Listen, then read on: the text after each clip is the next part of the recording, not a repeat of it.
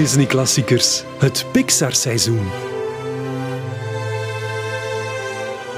Elke aflevering bespreekt Robin Broos een Pixar-film samen met zijn centrale gast. Welkom in de 88ste aflevering van Disney Klassiekers. Vandaag met twee gasten, een bijzonder duo. Aan de ene kant heb ik Apollonia Sterks. Je kan haar kennen als actrice, bekend van haar rol als Britney. Britney in de dagelijkse fictie thuis. Ja, klopt. Dag Apollonia. Hallo. Alles goed? Ja, ik heb er zin in. Ja? Waarom? Spannend, ik weet niet. Heb je al veel podcasts gedaan? Nee, het is de eerste keer. Oké. Dus ik ben kei benieuwd, ja. En ook nog eens een super tof onderwerp. Dus- Ja. Zeg maar eerst even over jezelf. Ehm, je hebt ook, eh, behalve thuis, meegespeeld in een film. Ja. Die heet Lewin. Wanneer komt die uit? Ehm, normaal gezien april zouden we in première gaan. En dan ehm, ja, in Nederland in alle cinemas te zien. Dus spannend. En hopelijk daarna dan ook fingers crossed hier In bij België. ons. Ja, hopelijk. Maar norm Allee, normaal gezien wel, maar we zullen nog zien. Dat is nog een beetje afwachten. Ja. Naast jou zit Amel Serra Garcia. Welkom. Dank u. Ja, mensen kunnen jou kennen als eh, percussionist, onder meer bij Bart Peters in zijn eh, band. Ja, de ideale mannen. Ja, ja. Ehm, en ja, je, natuurlijk, je bent zelf ook bezig met muziek, hè? Ja, Ik heb eh, mijn eigen groepje, samen met Cubaanse vrienden, dat noemt of heet El Gabinete.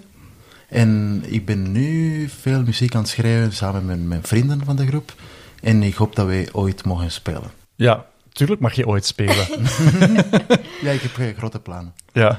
Eh, dus je zit nu eigenlijk in een soort van sabbatical, omdat je net gedaan hebt met een tournee. Ja, en ik probeer de tijd te nemen om te componeren en niet zoveel te spelen met andere groepen, want ik moet dan altijd eh, voorbereiden, iets dat ik heel graag doe, maar nu momenteel wil ik vrij zijn om volledig dat te kunnen doen. Ja. Zeg, vertel eens, hoe kennen jullie elkaar?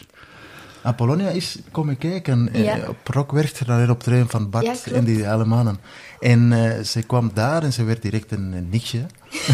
ja, en daarna heb ik haar heb verschillende keren uitgenodigd. Ze kon niet, want ze is een heel drukke actrice. Dat is waar. En, en, en, en, en, en, dan uiteindelijk is ze gekomen, Ja. twee keer zelfs. Met, Dus een grote fan. Met een paar vrienden toen. Ja. En dan hebben we elkaar nog eens backstage even rap gezien na de show. En dan eh, ja, nog eens. En dan hopelijk binnenkort nog eens. Ja, ja, ja, je moet. Dat waren de grote shows dan in het Sportpaleis. Eh, nee, nee, nee, nee. Eentje in Leuven. In het En dan. Rockwerchter hebben we gedaan. En dan... En dan was in de Capitol Ah ja, in Gent. Gent. Ja, met mijn mama. Gent. Dus ook eh, semi-groot. Ja. Ja. groot, toch. Zeg, deze podcast heet nog altijd Disney Klassiekers. Ja. Eh, Zijn jullie Disney-fans? Ja. Ja? Ja. Ik ga bij jou beginnen, Apollonia. Ja. Ehm, ja, toch van kleins af aan heb ik toch bijna al die films gezien. Dat is zoiets wat je meekrijgt van thuis. En allee, mijn mama zei zo, je moet die film zien, dat is echt belangrijk dat je dat hebt gezien. Dus ik zei, ah ja, oké. En dat, dat spreekt mij aan, dat is leuk. Dat is Kan, kan je nog herinneren wat de eerste was die je zo gezien hebt? Mm, nee. Maar ik denk... Oh, nee, ik weet het Nee. niet. Of het vaakst, de, de, de DVD of de video die bijna kapot gegaan is omdat je hem zo vaak bekeken hebt? Ik ga nu niet liegen, maar Coco. Die Ja? is in 2017 uitgekomen, maar dat is echt nu een film. Dat is de vijfde keer dat ik die nu al heb gezien. En ik denk dat ik nog nooit zoveel een Disney-film heb gezien. Cool. Dus, ja. ja. Dus dat was eigenlijk een goede keuze van mij om jullie op te zadelen met deze film. Zeker. Ja. En jij, Amel? Ja, bij mij eh, ook. Ik begon met Pinocchio als ik eh, kind was. En dan elke zondag was er een traditie in Cuba. Dan speelden ze één Disney-film. Elke zondag om tien uur. Dus dan was ik altijd daar om tien uur om die te zien. En ze herhaalden die regelmatig. Dus je kon dezelfde film altijd terugzien om het jaar of zo. En dat was op tv of in de bioscoop? Dat was op tv. Op Ja. de bioscoop kwam dat niet. Ja. Cuba en, en Amerika geven een speciale liefdesrelatie ja, ja. dat eh Mooi voor die soort affaires eh, Ja. zorgt. Ja. Heel diplomatisch uitgedrukt. Maar dus je geeft het al mee, hè? Ja, je hebt Cubaanse roots. Ja. Dus eh, d- daar kwamen die films dan ook wel allemaal gewoon uit. Eh, absoluut, ja. En een van mijn favorieten is ook, zoals met Apollonia, Co- Coco geworden. Ja. Omdat daar zit ook eh, de passie van de muziek. Ja. Allee, die, dat was een, een, een ontmoeting geweldig. Als hij op de cinema was, ik ben die gaan zien.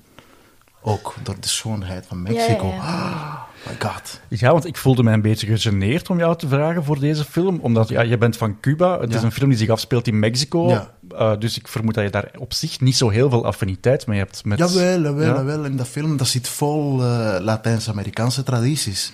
Je ziet het in een familie die woont met de ouders, Ja. grootouders, overgrootouders. Ik woonde ook zo thuis met mijn familie. Dat, dat, film wordt gespeeld in Santa Cecilia, in een dorp. Cecilia wa- was de naam van mijn overgrootmoeder die bij ons thuis woonde. Santa Cecilia is de heilige die, die de muzikanten beschermt.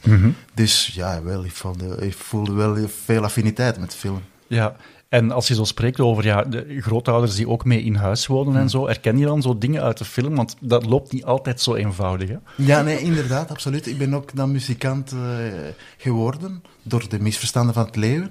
Dus toen, ik kon de- met, met, met mijn overgrootmoeder thuis. Die had ook die positie die Coco had in huis. Dus heel proper in een zeteltje waar eh, de voorouders, nee, voorouders niet, de gro- Grootouders. overgrootouders dan Overgroot- ja. zelfs bleven thuis wonen met de grootouders. De grootouders zorgen ervoor.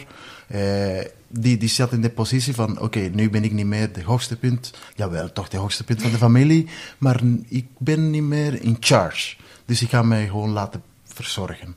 En de familie zorgt voor eh, grootouders en overgrootouders. Ja. Ja.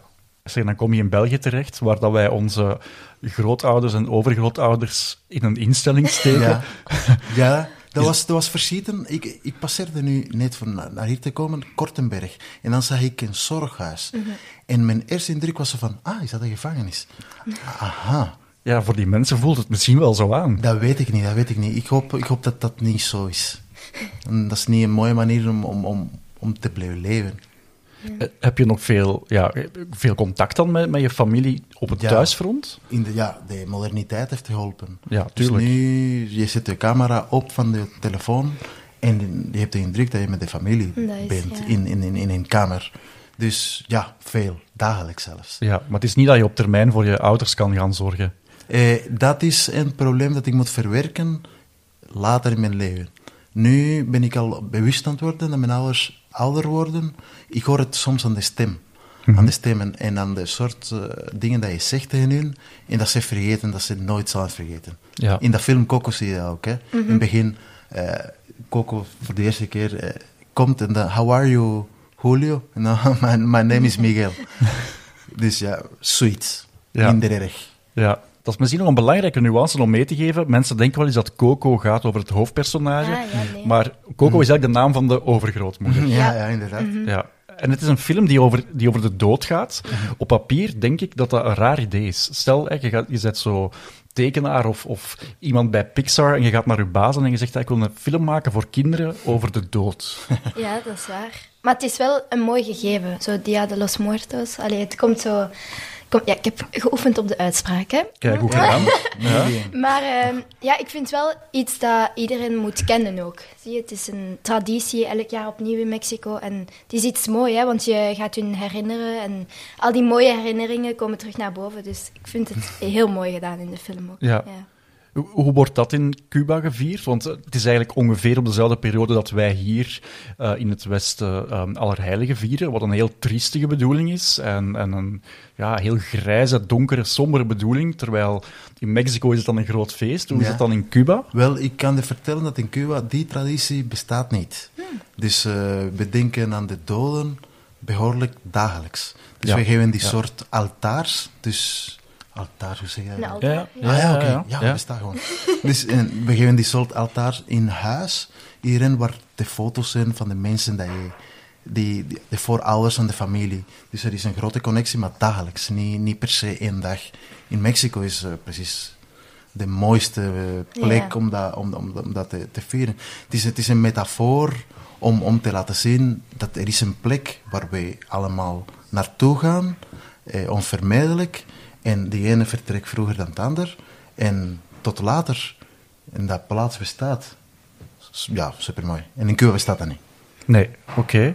Ja, want ik, vind, ik vond dat wel in deze film heel erg confronterend, hoe dan zo, want het wordt dan heel metaforisch uitgelegd, alsof er een soort van brug is tussen de wereld van de doden en, de, en onze wereld. Ja. Maar ja, voor iemand, ik ben zelf nu niet eh, gelovig of zo, maar plots kwam dat wel heel erg binnen van, ah ja, mensen die er niet meer zijn, Hoe gaan we daarmee om? Hoe proberen we Ja, die toch nog een is plek dat? te geven? Want wij weten dat nog steeds niet. Allee, we gaan Tuurlijk. dat ook nooit weten. Dus dat is wel, maar het is wel een mooi gegeven om misschien zo te denken van er is wel leven na de dood. Allee. Absoluut, ja. Ik vind dat wel, en ik geloof daar ook wel deels in. Ehm, dus ja, dat, dat, ja, ik weet niet. Dat, dat blijft zo'n beetje van, oh, is er wel iets? Mhm. En ik vind dat mooi dat dat daar dan wel duidelijk wordt gemaakt. Maar ja, we weten natuurlijk niet wat dat Mhm. Ja, exact het is. is mooi hoe je het zegt, want dat is wat ik ook zelf Mhm. vind. En vond als, als, als ik eh, een kind was, dan dacht ik ook, als dat bestaat, is op die manier. Ja, voilà. Ja, en, en nu denk ik nog altijd stiekem eh, zo eigenlijk. Ja. En op dat film, je ziet dat brug, dat brug die verbindt de twee werelden. En ze geven zelfs de Sempasuchil, dat is die bloem die, die, die, Mhm. Ja, ja. die, die, die- die- voor de doden. Ah, het is zo afgewerkt. Schitterend. Ja, ik denk ook wel, mocht het bestaan, dan zou ik ook wel graag hebben dat het eruit ziet zoals in Coco. Ja, ik denk het wel. Dat is- Lief, ja. zo moeten we leven. Denken dat het zo is, of zoiets. Dat Mhm. Ja. iets eh, moois op ons eh, wacht. Maakt het zoveel toffer om te leven nu. Mhm, want ook wat ik mooi vind, is dat het wordt niet... Allee, in de film wordt het meegegeven van, je gaat na de dood is er terug een leven, maar je komt terug bij je familie. Dat vooral. Dus Ja, je ja, ziet ja. je familie terug. Ja. En ehm, ook hè, dat ze, je moet een foto opzetten, anders ga je na een tijdje toch echt exact dood. Ja. Ehm, maar ik vind het wel mooi dat het zo terug naar die familie gereturned ja, wordt. Zo, ja. ja, dat is, vind ik ook schitterend, wie je. Ja, want die foto is eigenlijk... want In de film is die foto belangrijk. dat is ja. dus op eh, de dag, dus op de Dia de los Muertes, kunnen de doden terug eenmalig de oversteek maken Ja. naar onze wereld. En wij zien ze dan niet, maar ze zijn er wel. En, en, en, en we voelen dat dan op een of andere Ja. Eh, metafysische manier. Ja. Maar het is eigenlijk vanaf het moment dat je die foto niet meer op het altaar zet, en dat is waar dat dan blijkbaar in Cuba toch ook wel een zekere traditie in bestaat, eigenlijk geef je daarmee aan, van het moment dat we ze vergeten zijn, Is het echt gedaan? is het echt gedaan. Ja. Ja. Dat is wel confronterend. Absoluut, absoluut. Ja, je ziet het ook op een moment, eh, de film ook, dat eh, Hector begint te verdwijnen. En dat is omdat Coco... Coco Haar papa vergeten. Ja, begint te vergeten. En, Ja, de connectie van die, deze wereld, dit wereld, met Ja. die andere, ja, schitterend. Een heel treurig verhaal eigenlijk. Hè? Want Ja. dus het gaat dan over inderdaad eh, Coco, de overgrootmoeder van deze familie, eh, wiens papa op een bepaald moment muziek wou gaan maken en Ja. vertrokken is en nooit teruggekeerd, waarop dat de familie besloten heeft, we gaan muziek uit ons leven bannen, Mhm. want eh, dat brengt alleen maar ongeluk. Terwijl dan de kleinzoon, Miguel, heel graag muziek wil maken, Ja, maar dat ja. mag dan weer niet. Ja, klopt. En achteraf blijkt dan, enfin, kleine spoiler, wie het niet wilt horen moet nu 30 seconden doorspoelen. Ja, blijkt dan dat Hector, de papa, eigenlijk, of de overgrootvader, eigenlijk helemaal niet bewust weggegaan is. Nee. Die wou heel graag Terug terugkomen. naar zijn familie, maar Ja. dan vergiftigd is geweest en dan baf. Ja, maar de roeping dat, dat Miguel krijgt, is ongelooflijk. In het Spaans is het ook roeping, is vocación. En vocación komt van vos, stem.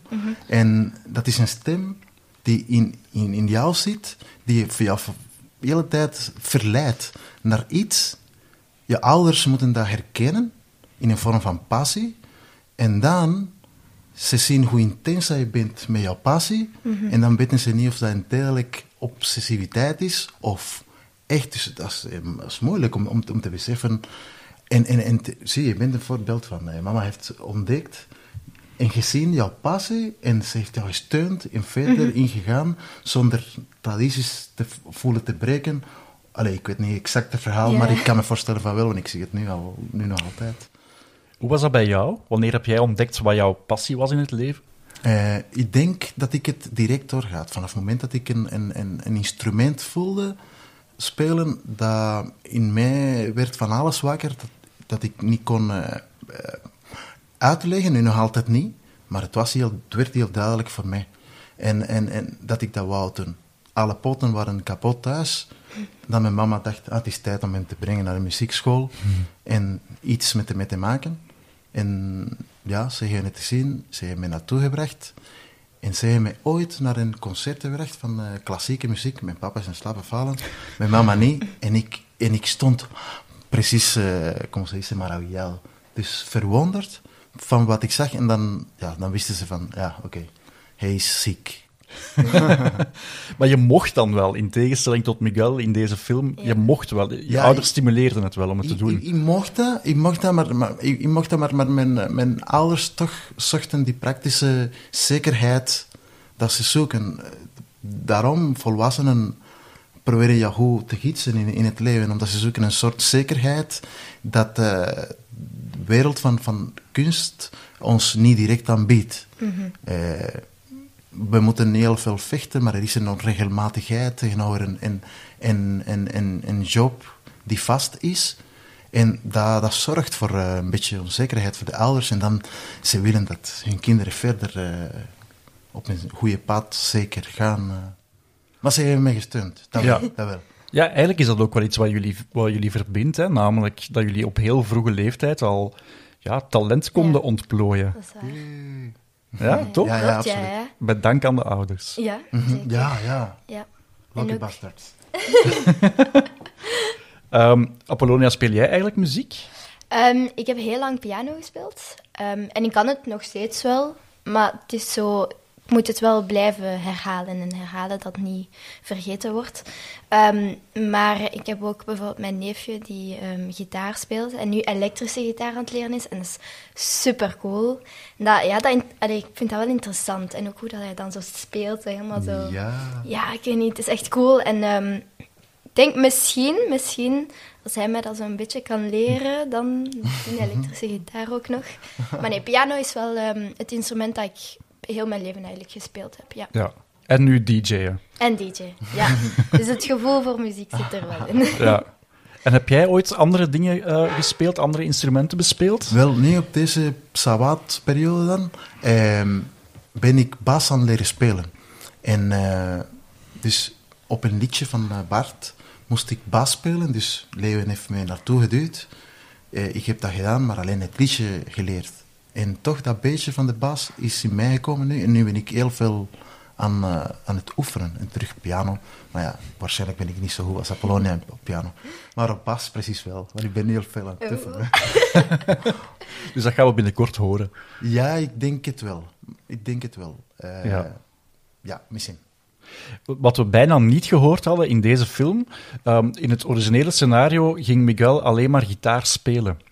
En het was toen ze de stemacteur, dus eh, ja, de jongen die de stem van Miguel heeft ingesproken, eh, eh, Anthony Gonzalez, wanneer dat hij in de studio kwam, ontdekten ze dat hij eigenlijk ook heel goed kon zingen. En dan hebben ze pas besloten, we gaan hem ook nummers geven om te zingen. Ah, Dus eigenlijk had die film heel anders kunnen zijn. Ja, amai.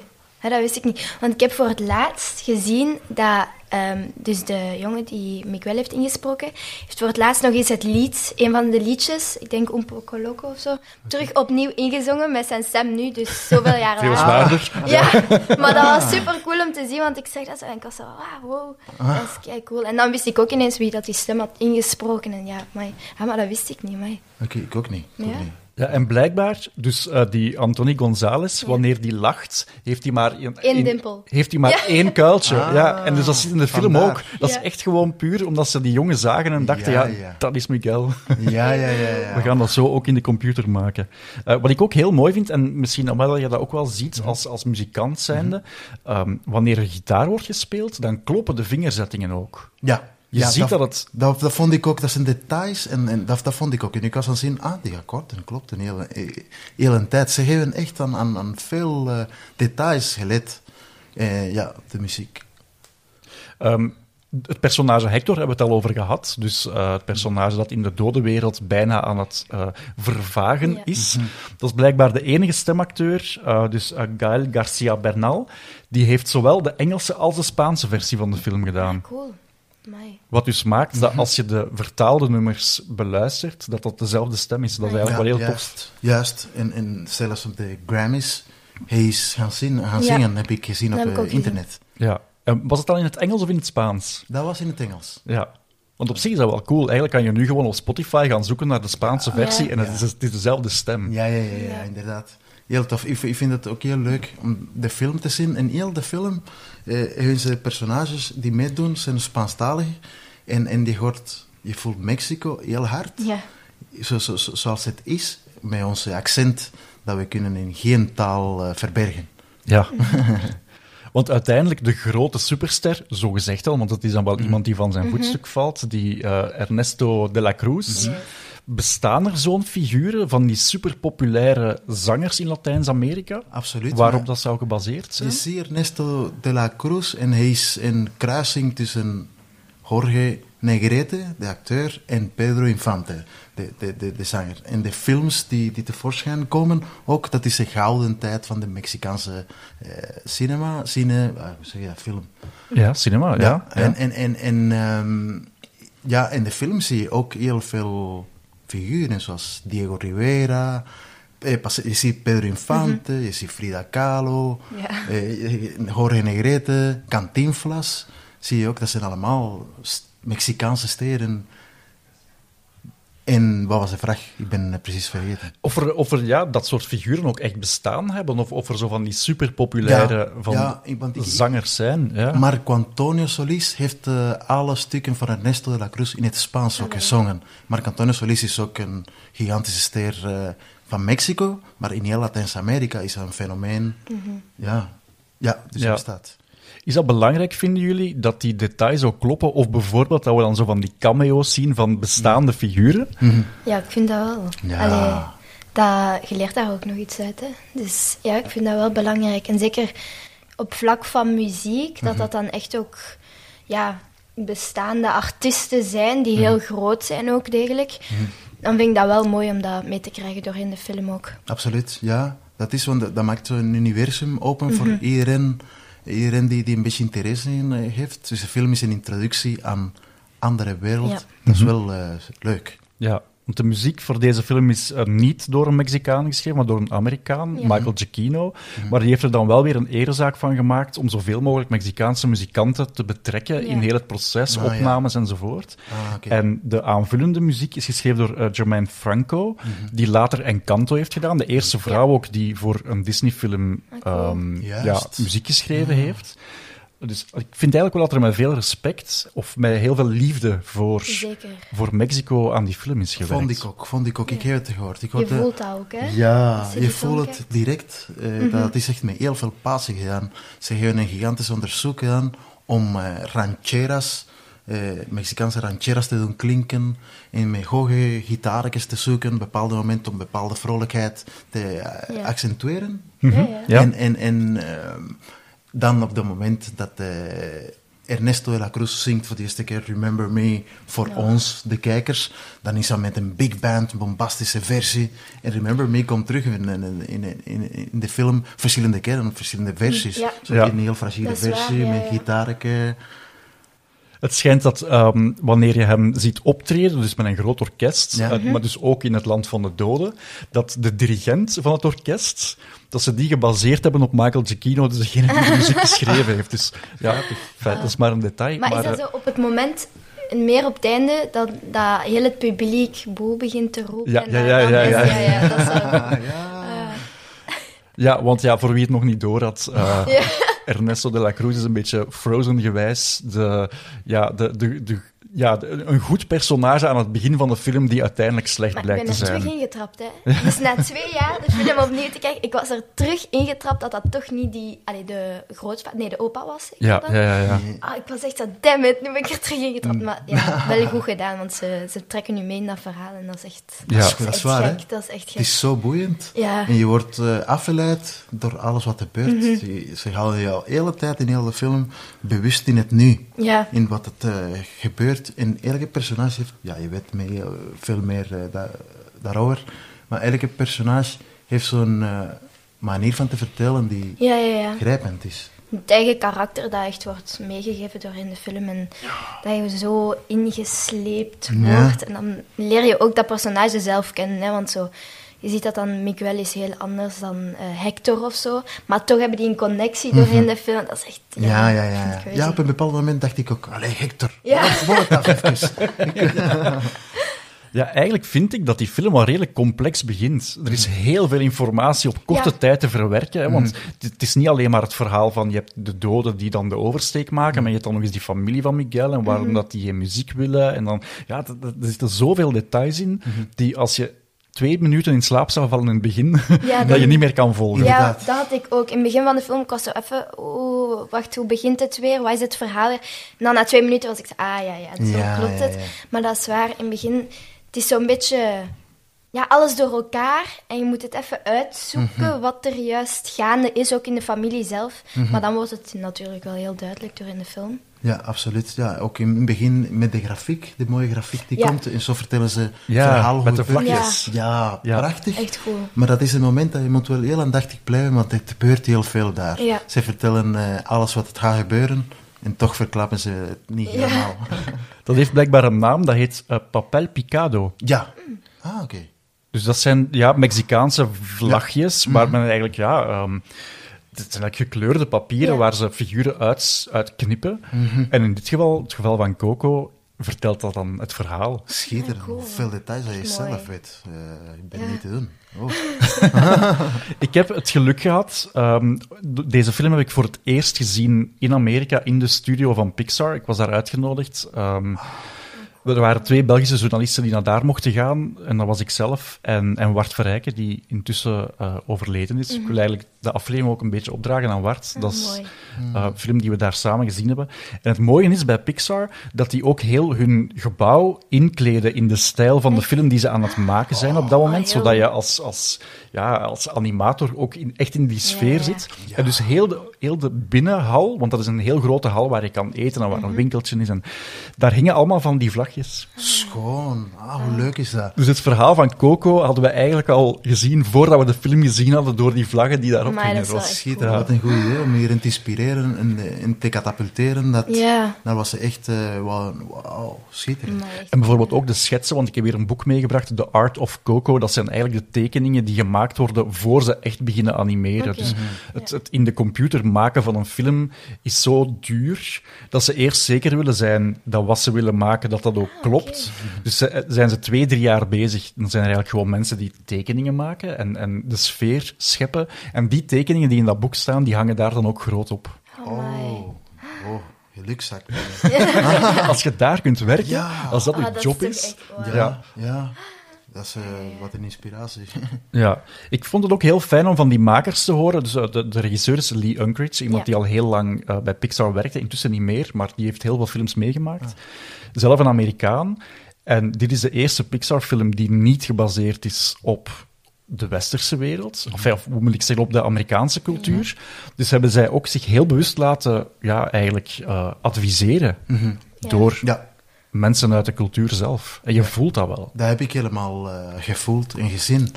Dus zie op een bepaald moment ook Elena.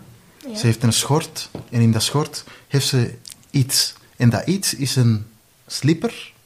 Dus eigenlijk wat eh, in Latijns-Amerika wordt gebruikt als gevaarlijk wapen van, de, van, de, van de ouders of de grootouders. Dus wees niet stout, want ze heeft een slipper vlakbij.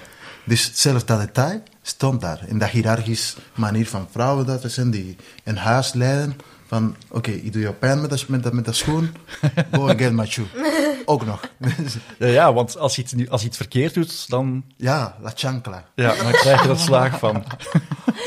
dus dat wordt ook echt gedaan. Eh, ja, ik denk het wel.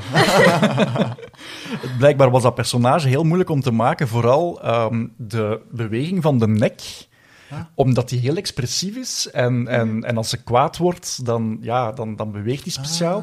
en ehm, de, nu ben ik even vergeten wat zijn naam is. Eh, Adrian Molina, dat was de co-regisseur, of eh, niet de co-regisseur of de producer of zo, alleszins. Ehm, iemand die bij Pixar werkt, die ehm, Mexicaanse roots heeft. En die heeft zijn, ik denk, grootmoeder laten ja, overvliegen van Mexico naar San Francisco, waar dat Pixar is. Gewoon dat ze die... Dus, en ze hebben dan geprobeerd van die kwaad te maken, Oh my god. om dat dan te filmen en te zien hoe beweegt hij haar gezicht. Oh, dat? er wordt zoveel aandacht besteed aan die kleine details. En dan, hè, omdat ze dan iemand laten overvliegen, omdat ze toch willen dat het echt perfect in de Ja, puntjes ja, ja, ja, dat is- is. hoe dat het allee, origineel in het echt ook gewoon is. Echt gek. Ja, ja, ja. Ja, inder- ja, inderdaad. Ik ben onder de, de indruk. Dat is de hoogste graad van goed. Excellent. Ja, blijkbaar was het ook heel erg moeilijk, want die, die vrouw, die grootmoeder in kwestie, was heel moeilijk boos te krijgen. Dus ze hebben echt wel hun best moeten doen om, eh, ja, om het te doen lukken. Maar wat ik eigenlijk het allerstrafste vind, is, is het personage Coco zelf. die, dat is een ja, ontzettend oude vrouw. En die ziet er ook echt uit als een heel oude vrouw. vrouw, Het is ja. ongelooflijk goed gedaan. Ja, absoluut, absoluut. Ik denk, ik denk ook als, als je ziet hoe ze eruit ziet, zelfs de kleren die ze aan heeft, heel veel mensen in Mexico zien er zo uit als ze verouderen. Eh, en, en, want het is een figuur dat ik herken van, van, van andere films of zo, van Mexicaanse films o- o- of een ander Latijns-Amerikaanse land. En en er is een film Frida, van, eh, over Frida Kahlo, Salma Hayek. Daar komt Chavela Vargas, dat is ook een madame die, die het liedje La Llorona eh, heeft in de jaren 50. Ze komt in dat film en ze ziet er ook zo uit eigenlijk, zoals, zoals Coco. Ja. En wat, ik ook heel mooi en menselijk vind, dan, dat maakt het dan weer een universeel verhaal. Dat, ehm, dus ja, dat is, eh, Coco spreekt niet meer. en, en, en het is duidelijk wat dementerend. Maar dat ze dan op het einde, wanneer ze dan terug geconfronteerd Ah, wordt met dat nummer dat haar vader geschreven heeft, dan kent ze de tekst terug. En dat is heel herkenbaar als, Ja. allee, als je eh, oude, dementerende grootouders hebt. Muziek is iets ongelooflijk, hè? Absoluut. Ja, dat doet echt iets met een mens. Hè. Ook al mm, heb je misschien dat talent niet, of dat, maar ja, dat is, ja dat, ik vind dat echt een van de mooiste momenten in de film. Ja, dat is, Ja. een mysterieuze feno- fenomeen, Ja, de kracht van muziek. Je ziet op dat moment, ze komt tot besef van, ah, ik heb dat stukje foto Mhm. nog. Ah, zie, kijk, en ik ken het, het liedje nog. Ze, haar, ogen blinken ineens, zoals... Ja. en dan komt zo... Ja, ze, ze, ze zegt niet veel in heel de film, maar eh, ze, is, ze is zo aanwezig, zeker op, op het einde. Op het einde, dus, eh, dan, dan voel je, oké, vergif, eh, nee, vergif niet, hoe zeg je dat? Begrip. Begrip, Ja. ja. dat de familie krijgt Ja. voor, voor, voor, voor Ja, ja. elkaar. Zo echt peace eh, vinden, vrede. Ja, ja. Oh, mentaal. Maar en zo mooi ook hoe dat dan... Eigenlijk had je het kunnen weten van in het begin, want die foto staat op de ofrenda en die eh, fotokader valt dan kapot en dan zie je dat daar een stukje uit is. En ja, Ja. het is eigenlijk het is heel mooi gedaan. Absoluut, absoluut. Maar, maar het, is, ze- de, de- het is zo boeiend de hele tijd, dat film, dat je, je laat je niet meer mislepen met, met clues. Dat je krijgt al van Ja. begin. Al van begin zou je moeten weten wat er gebeurt, maar het is zo boeiend om te zien. En er is zoveel schoonheid de hele tijd op het scherm, dat ja, je blijft heel aanwezig in wat, wat je krijgt. Ja. En je wordt afgeleid en gestuurd om te voelen wat je moet voelen tot het einde. Ja. Schitterend. Goed Het, gedaan. het idee trouwens van die Dante, want dat is een, een, een hond die wel heel erg eh, enfin, eh, vaak is, voorkomt ja. eh, in Mexico en ook heel erg aanwezig is in de film. Dat is een uh, Xolo dog. Blijkbaar lopen er daar in Mexico heel veel van rond. En dat is, zwerfhonden, zo meer die dat... Allee, hoe noem je Ja, maar het is- Straathondjes. ja, maar het is eigenlijk vooral ook... ehm, ze hebben een heel specifieke eh, ja, type van, van, van vacht. Ah, oké. heel, heel ruw. Ja. En ze verliezen heel snel hun tanden. En honden die geen tanden meer hebben, die hun tong gaat automatisch naar buiten hangen. En Ah, ja. daar maken ze eigenlijk iets heel erg grappigs Ja, van in deze ja, film. Want het is altijd iets met die tong. En blijkbaar is het idee gekomen dus van die man die bij Pixar werkt, die een Mexicaanse familie heeft. Ehm, daar hadden ze bij de, de, ja, de ofrenda in, de, in het huis van zijn familie. Daar liep altijd ook hun hond, ging altijd het eten pikken dat daar als offer lag. En zo zijn ze op het idee gekomen van ja, Dante eigenlijk een soort van rol te geven in heel dat verhaal. En dan ja, met die fotokader enzovoort. En dat blijkt ook dat die soort honden in de, in de spirituele traditie ook zijn de, de, de, de honden die, die connectie maken met onze wereld, onze wereld met de doden ook. ja. Dus daar zit zoveel eh, vol eh, casualidades, eh, toevalligheden, dat niet ja, toevallig zijn. Want ook het ding is, moest Dante, als je nu daarover nadenkt, moest Dante niet onder die tafel zitten door heel het ding wat ervoor is gebeurd, hij moest weglopen, hè, Mhm. dan was dat ook niet gebeurd dat die foto van de ofrenda was gevallen. Ja. Zie ja, je? dat is waar. Dus Ja. het start, die kleine dingen starten ook het hele verhaal door in de film, dus wel gek. Ik vond dat ook mooi. Dante is al van begin een alebrige. Mhm. Ja, dus die, die, die, en, en, en dat vind ik heel mooi. Je komt in een andere wereld waar ze ook peten hebben. Mhm. Ze noemen die alebrigen. ik had heel veel schrik in het begin van de allegorie van de familie. Dat was dat grote kaat. Ja, ja, ja. Ik dacht, wow, was dat? Maar op een bepaald moment dan zie je hoe zacht dat hij eigenlijk Mhm. is. Was hij een monster. En allegorie echt om de familie te beschermen en te gidsen. Ja, want ik ook op het moment dat hij dan hè, in, de, in die kapel, soort van op die gitaar, ehm, speelt, zo'n akkoord speelt en dan naar, de, naar de, ja, het land van de doden, het leven van de doden is, dan had ik ook even schrik, oh, waar is Dante? Ik had niet door, Ja. ik was al vergeten dat hij zo meeging naar dat leven. Dus dat was, ah, ik vond dat wel mooi dat hij zo terug meegenomen werd door heel het verhaal.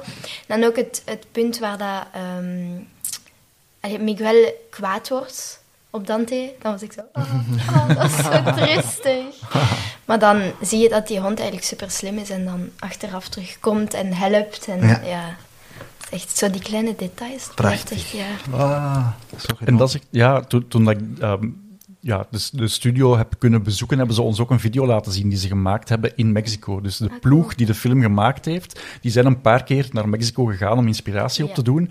En dus heel het idee van die ja, gekleurde eh, figuurtjes, dat is echt wel iets wat op de Dia de los Mortes, dat daar... ehm, ja, cultureel wel echt gebruikt worden. Dus gekleurde hondjes, weet ik veel andere figuren. En dat die dan in, het- in de andere wereld daar een Ja. soort van spirituele betekenis hebben. Dat is ook maar gewoon een idee dat ze gehad hebben omdat ze het gezien hebben in Mexico. Ja, want moesten ze niet gegaan zijn, dan Dan hadden ze het misschien gewoon niet geweten. Ja, ja. Dat is echt gek. Maar ik vind het wel mooi, ook die figuurtjes, dat, dat echt elke persoon heeft een soort van, ja, hoe zeg dat echt zo bij hun persoonlijk zit. Maar dan toch ook weer eh, klaar staat voor de familie. Hè? Dus het hoort echt bij de persoon zelf. Zie je dan zo op het einde, hè, als hij dan valt, en dan komen Dante en dan die grote allegorie, zo, die redden, dat is echt, ja, Ja, prachtig, maar dat is goed, want dat geeft aan de mensen, aan de mensen hoop. Ja. Wanneer alles valt, heel je imperium valt, er is toch een allebrige die jou Ja. gaat gidsen en helpen en jou niet volledig laten vallen. Ja. Want er zijn andere mogelijkheden. En dat vind ik in het algemeen van de film ook. Mhm. Ja. Dat, die geeft zoveel hoop aan de wereld, dat de, er is iets veel moois, allez, veel moois, die, die op ons wacht. En als we de oversteek maken, vind ik ook fijn, dat is blijkbaar ook iets heel cultureel. Ehm, dus het is een brug vol met bloemetjes. Eh, het zijn, ja, ehm, wacht, hè, Azteekse... ehm, ja, het heet in het, in het Engels het marigold. Oké, cempasúchil noemt het in, in het Spaans. Ja, maar dat zou ook iets heel specifiek zijn, dat daar vaak gebruikt wordt in die context van, van dat dodenfeest. Ja, inderdaad, omdat ook in de traditie, in de religiositeit, is dat die soort bloemen die worden gebruikt om eh, de geest, niet de geesten te roepen, maar om de, om de doden te eren. Gaan ze dat dan zo op graven leggen? Of Mhm. ja, ze zoiets, ook ja. en in water en, en Ja. wat de reuk van, van die planten Ja. eh, geeft eh, ook die reuk dat Mhm. de connectie maakt. En waar, waar de geesten zich goed voelen, dan zijn ze altijd rond ons. En zoals geesten, we zien die niet, maar we voelen het wel. Maar er zijn weinig machines die dat kunnen eh, Mhm. bewijzen.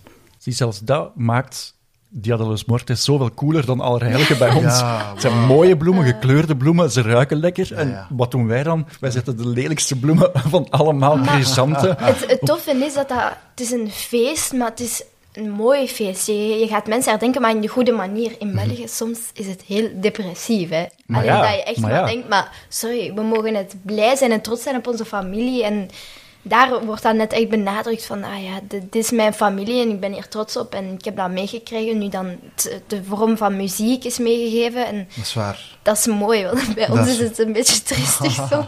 Ja, iedereen zou blij moeten zijn op 1 november, Ja. want dat is een van de excuses is om samen te komen. Ja, voilà. De hele familie kan zich vrijmaken om te kopen. Meestal gebeurt het en dan zou zo een soort feest moeten zijn. Ja. Je hebt gelijk. Ja? Eigenlijk wel. Het, het, het land van de doden, dat is ja, eigenlijk een heel complex ding. Dat ziet eruit als een soort van metropool, maar dan ja, met miljoenen lichtjes. Ja, ja. Dat zou super moeilijk geweest zijn, blijkbaar, ja, om te maken, want die lichtjes worden, moeten echt wel individueel in de computer gemaakt Ja, worden. ja, Dan ja. moet je ook zeggen van, die moeten ook branden op die manier. Meer dan 7 miljoen heb ik gelezen. Ja, ja, ja, ja, ja. Oh, dat? En dat duurt dan ook uren om dat te renderen, noemen ze dat. Ja, eigenlijk, je maakt dat in de computer, maar om daar dan echt ook een bewegend beeld, een film van te maken, ja, moet je aan de computer vragen van dat ja, achter elkaar te zetten. En dat duurt dus uren om dat te doen. Ja, dat is zo dat beeld dat je zo opkijkt, hè? Ja. Toch? Ja, ja, ja, ja, ja, ja. Heel, heel je scherm is eigenlijk vol met lichtjes en heel... Ja, Maar En- dat is wel mooi dat heb je in, in ghetto en in de ghetto heb je dat niet. Geen, geen lichten. Ja. Ook heel leuk als je eh, heel... Ja, als je zou kunnen inzoomen, of als je het ja, eh, van op afstand bekijkt, dan zie je dat daar ook heel veel doodshoofden eigenlijk als, als silhouet, als contour in zitten. Er zitten heel veel knipogen in naar ehm, doodshoofden. Ook dat station waar ze terechtkomen in, eh, Ja. in de dodenwereld. Heel veel ja, eh, schedels. Ah, dat heb ik Die, eh, Ah, over het hoofd gezien. Dan moeten we dat nog een keer zien. ja. no- nog een de zesde keer kijken. Ja. Het zou gebaseerd zijn, het, het idee van die vele kleuren en ook vooral van in de hoogte te werken op een bestaande Mexicaanse stad, en ik hoop dat ik het juist uitspreek, Guanajuato. Je spreekt dat goed uit, maar ik weet het niet liggen. Nee, oké. Maar als je dat opzoekt op Google, Ja. dan zie je dat dat een heel kleurrijke stad is, waar Ah, dat de huizen ook allemaal eh, mooie, fijne kleuren hebben. En eh, dat ze ook in de hoogte werken, net omdat het tegen een heuvel aan ligt. Ah, oké, oké. Ah, dat zal ik direct opzoeken als ik thuis Ja. kom. En dat is blijkbaar het idee geweest om die land... Guana? Guanajuato. Guanajuato, oké. Het is ook zo dat contrast met dan het, het echt de mooie gebouwen, allee, de gebouwen, ja, hoe dat ze dat hebben gemaakt. En dan het contrast met waar dat de, de, ehm, de skeletons zijn die dat soort van op sterven aan zijn. Dat contrast is zo groot, maar je ziet ook dat dat dan ook zo een familie is. Dat is, ah, dat is wel ook mooi gedaan. Want dat is dan ja, dat is dan eigenlijk geen lichtjes. En dat is zo heel somber ook wel, hè. Dus je voelt direct ook het verschil tussen... Ah ja, hier is iets aan de hand. En dan kom je te weten door in de film, maar dan daar is alles mooi en goed. En, ja. Ja, ik zeg ghetto omdat het voelde voor mij zo. De zo waar, waar hier in de ghetto's ook te vergeten eh, leven. Ja, Ja. En, en een mooi moment daar, ze gaan een gitaar zoeken. ja. Ze gaan een gitaar zoeken, de eigenaar wil de gitaar niet geven, Hector wil niet spelen. En dan voor de eerste keer, toch. voor Miguel. Ja. Ja. die speelt dan en dan is Remember Me Ja. een heel trage versie. En dan sterft zij En die sterft. Dus dat was, dat is mooi. dat was wat nodig was om verder te gaan. Mhm. Al was hij vergeten in de ghetto. Ja, Muziek heeft hij, was hij afscheid. ja. Er zijn eigenlijk heel veel momenten in deze film waar dat je toch wel eh, blij bent als er een doos zakdoeken naast jou staat. Oh my god. oh, dat is heel erg. Ik, weet- ik denk vanaf ehm, het moment... Oh, wacht, hè, wanneer was dat? Vanaf het moment dat ehm, Coco zo papa begon te zeggen, dan werd ik gewoon Ja. al geëmotioneerd. Hoe dat, dat zo werd overgebracht. Ik was echt zo, nee. Prachtig. Omdat eigenlijk het gevoel dat ik kreeg was van... Coco gaat hier heel snel sterven. Ja? En dan, en dan was ik zo, nee, nee, dat, dat mag niet gebeuren. En dan uiteindelijk op het einde van de film zijn ze toch terug samen hè, in het leven van de dood. Dat was wel Ja, echt, ja. Dat, is, dat, is, dat, dat is mooi, hè, want Mhm. het is eigenlijk wat de film uiteindelijk eh, op het einde vertelt. Ja. Dat Coco sterft, maar nu weten we gewoon dat sterven niet meer betekent wat sterven eh, betekende ervoor. Mhm. Je kreeg zo'n handleiding op een, een mooie weg om, om, om dat te begrijpen. Ja. Je moet alleen geluk hebben dat uw familie hier af en toe een foto van u op het altaar zet, want Ja. anders dan, en dat is eigenlijk bijna als, als een soort van ingang van een pretpark of zo. Je moet dan zo door de, ja, moet, moet Ja, dat zeggen? de Zo, scanner.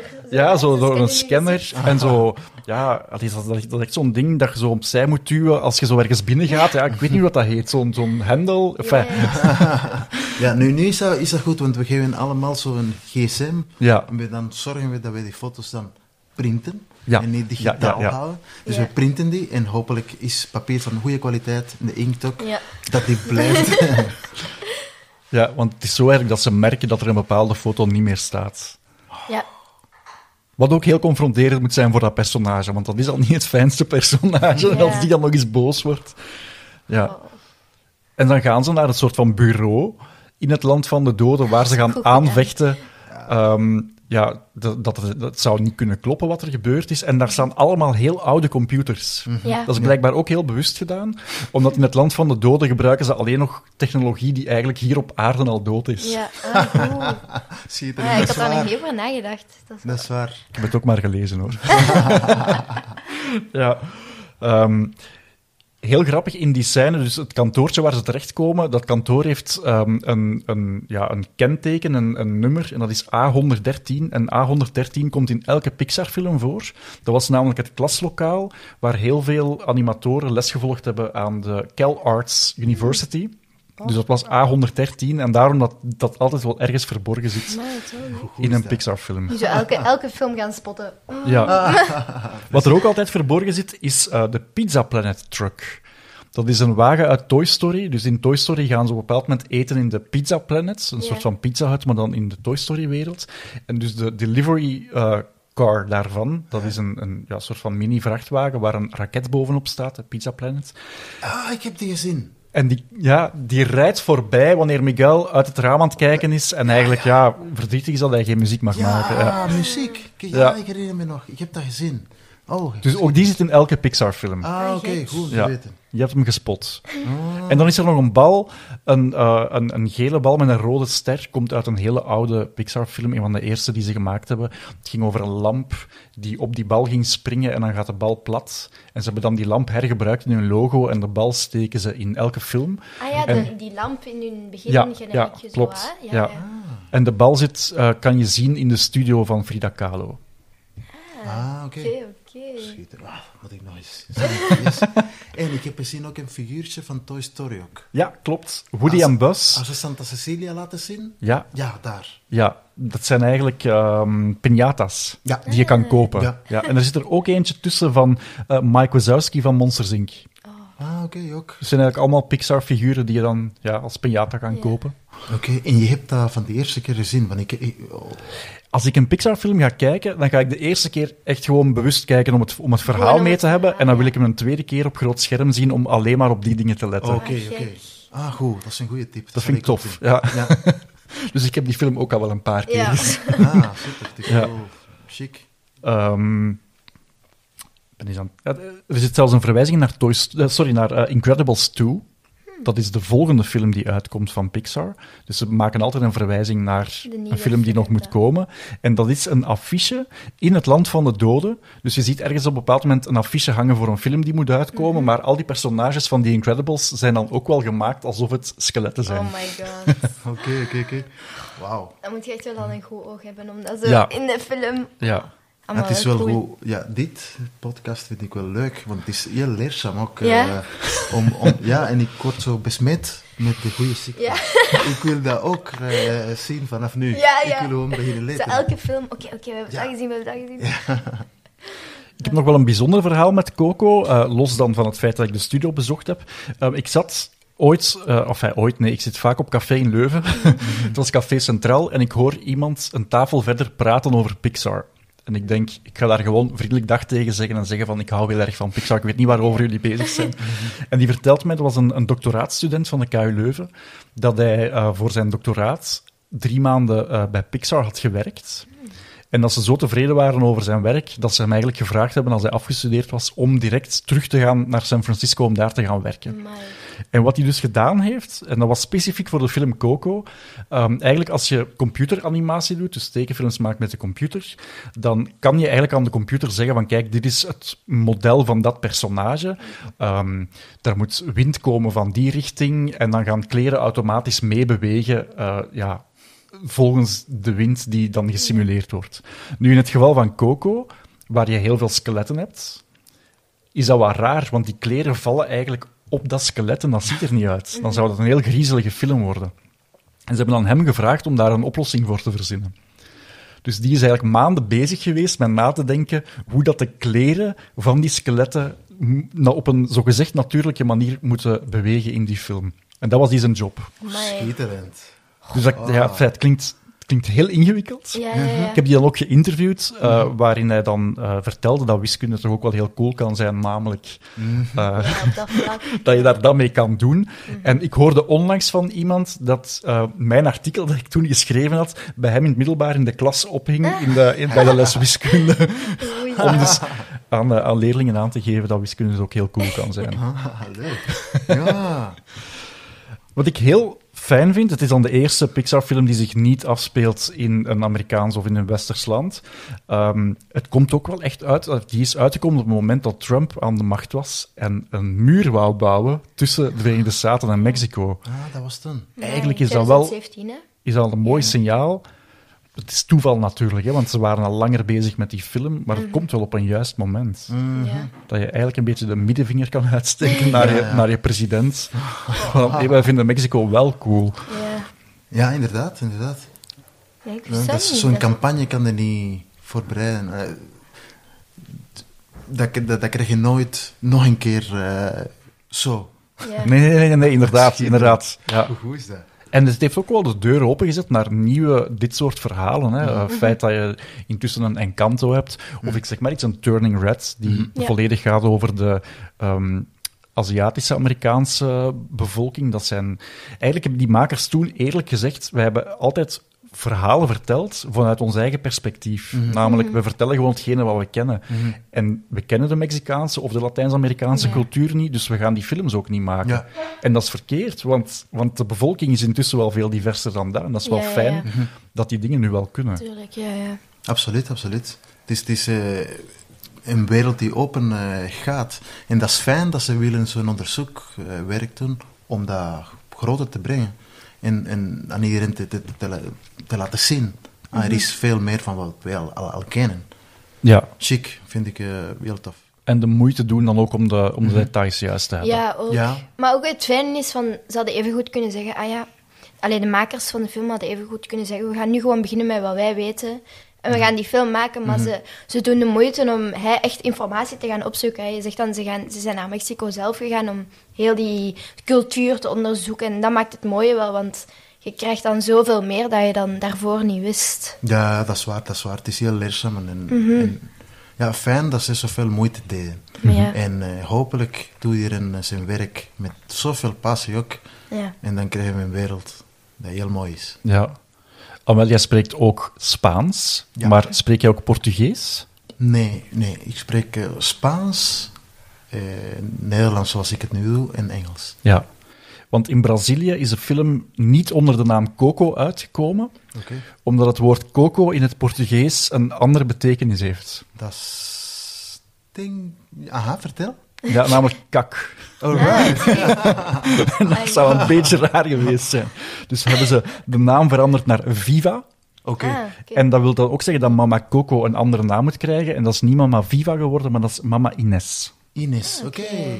Ik vermoed dat dat een veelgebruikte naam zal zijn in Brazilië, dat weet ik eigenlijk niet. Ja. Ah, en, en klopt het ook dan, dat dat film in principe ging eh, heten Dia de los Muertos? Ja, Dat klopt, hè? ja klopt. Maar ze mochten het niet doen, niet...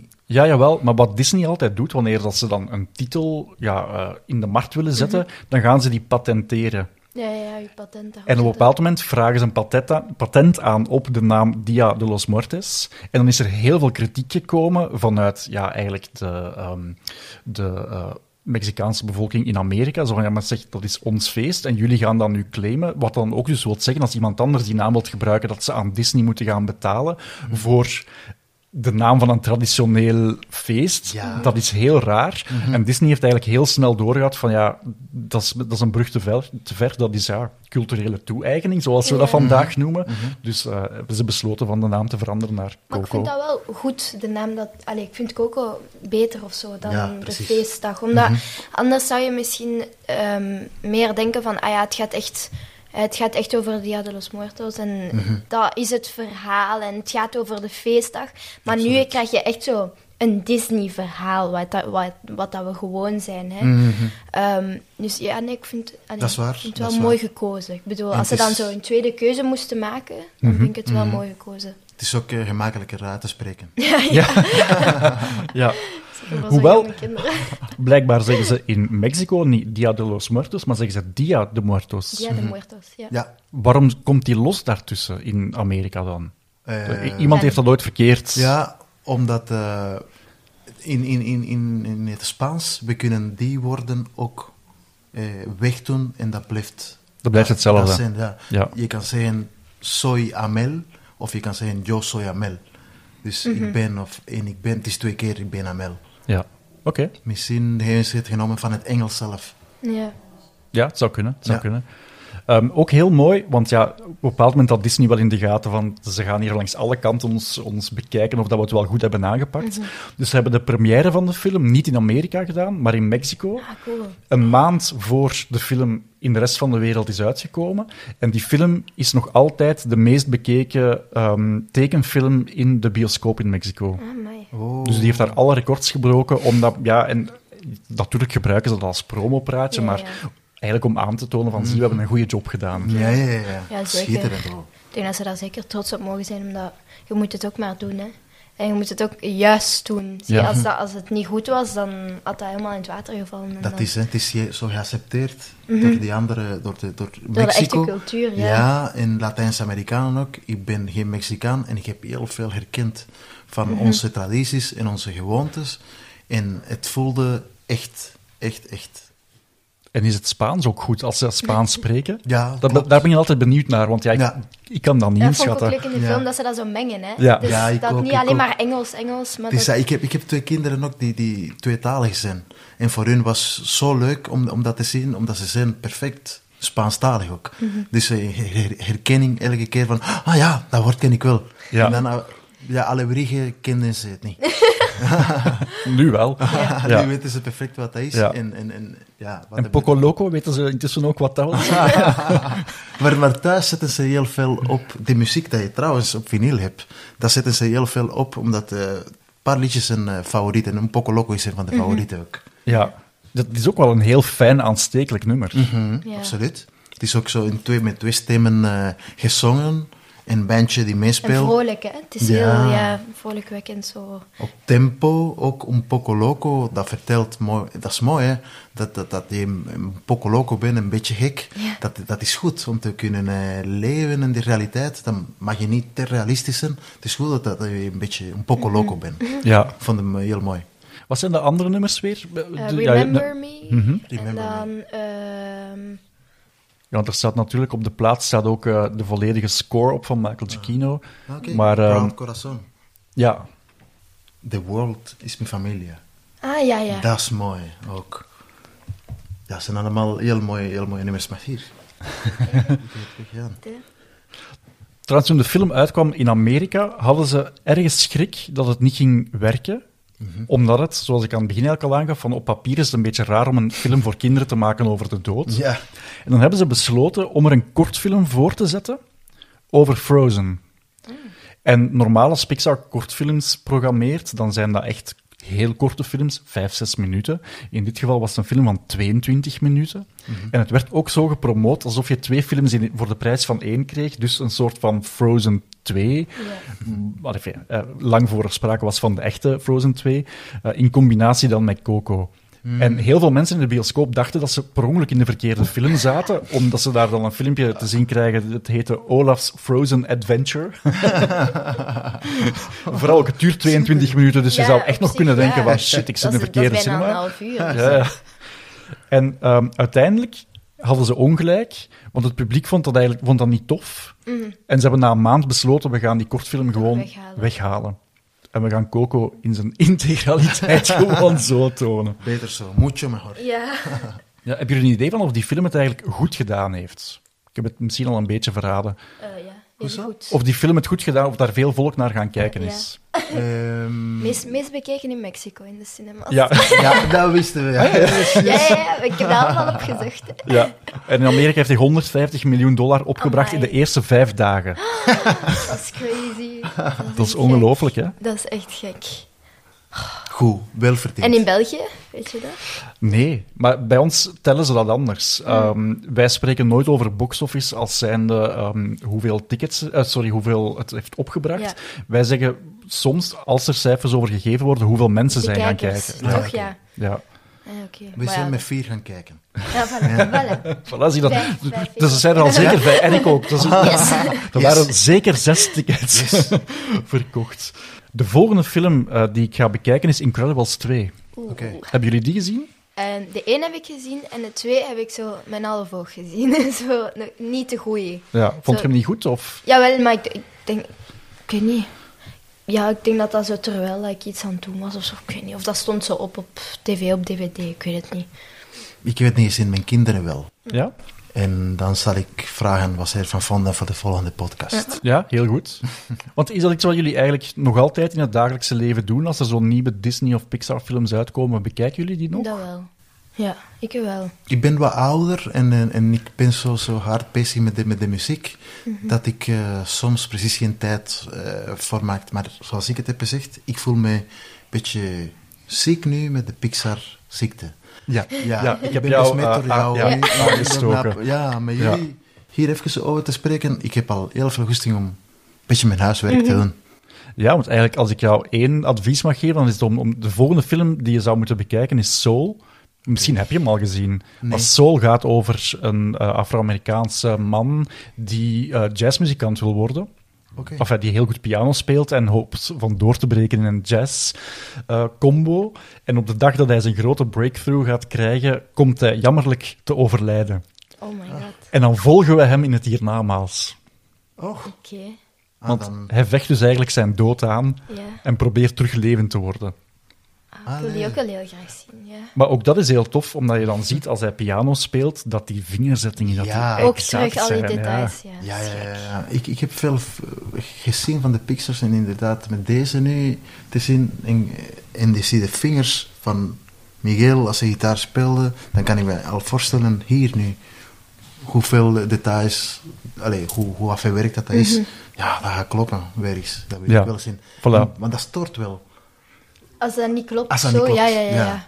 Zeker als muzikant, je merkt dat direct op. En... Maar ik heb het al, altijd gevonden. In Cuba speelden ze zo films eh, van Russische films. En dan kreeg je... Maar, maar dat Ja. werd zo overdub. ja. Ja, ja, ja, ja. Slecht. eh, en dan hoorde je nog altijd de Russische stem zo wat zachter. Dus vamos para allá. Kut eens kijken. Ik vond dat altijd lastig. Dus, dus zeker met muziek. En eh, het is nog Ja. erger nu. Dus ik ben... Ja. Wat is de beste Russische film die je gezien hebt?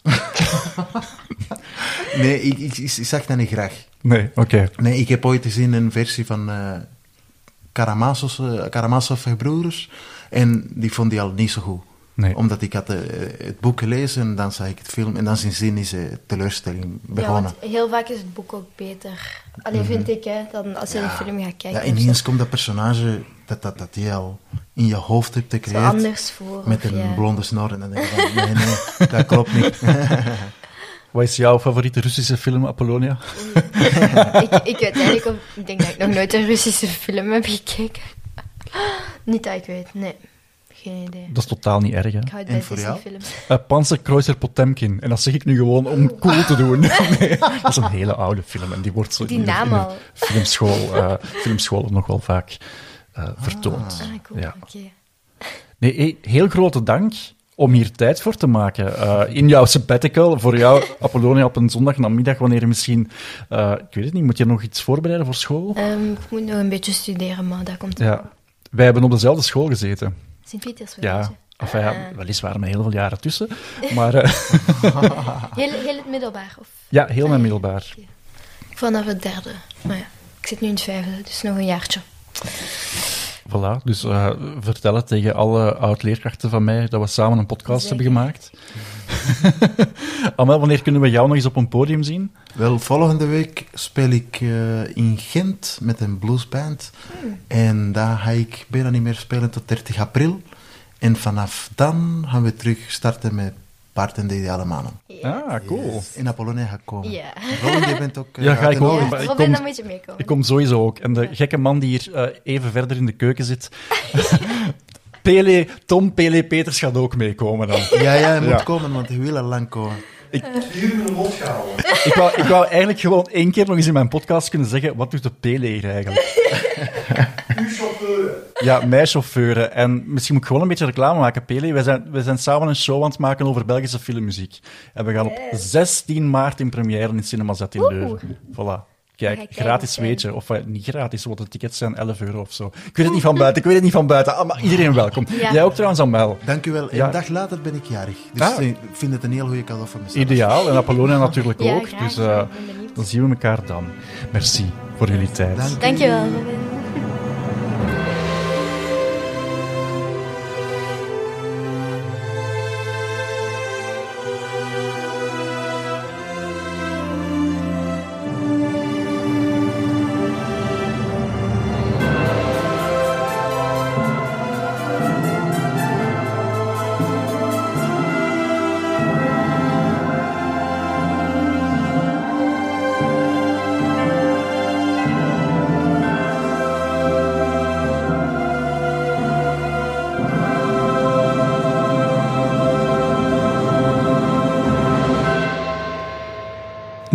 Je vragen of opmerkingen naar robin.robinbroos.be of post ze onder de hashtag Disneyklassiekers.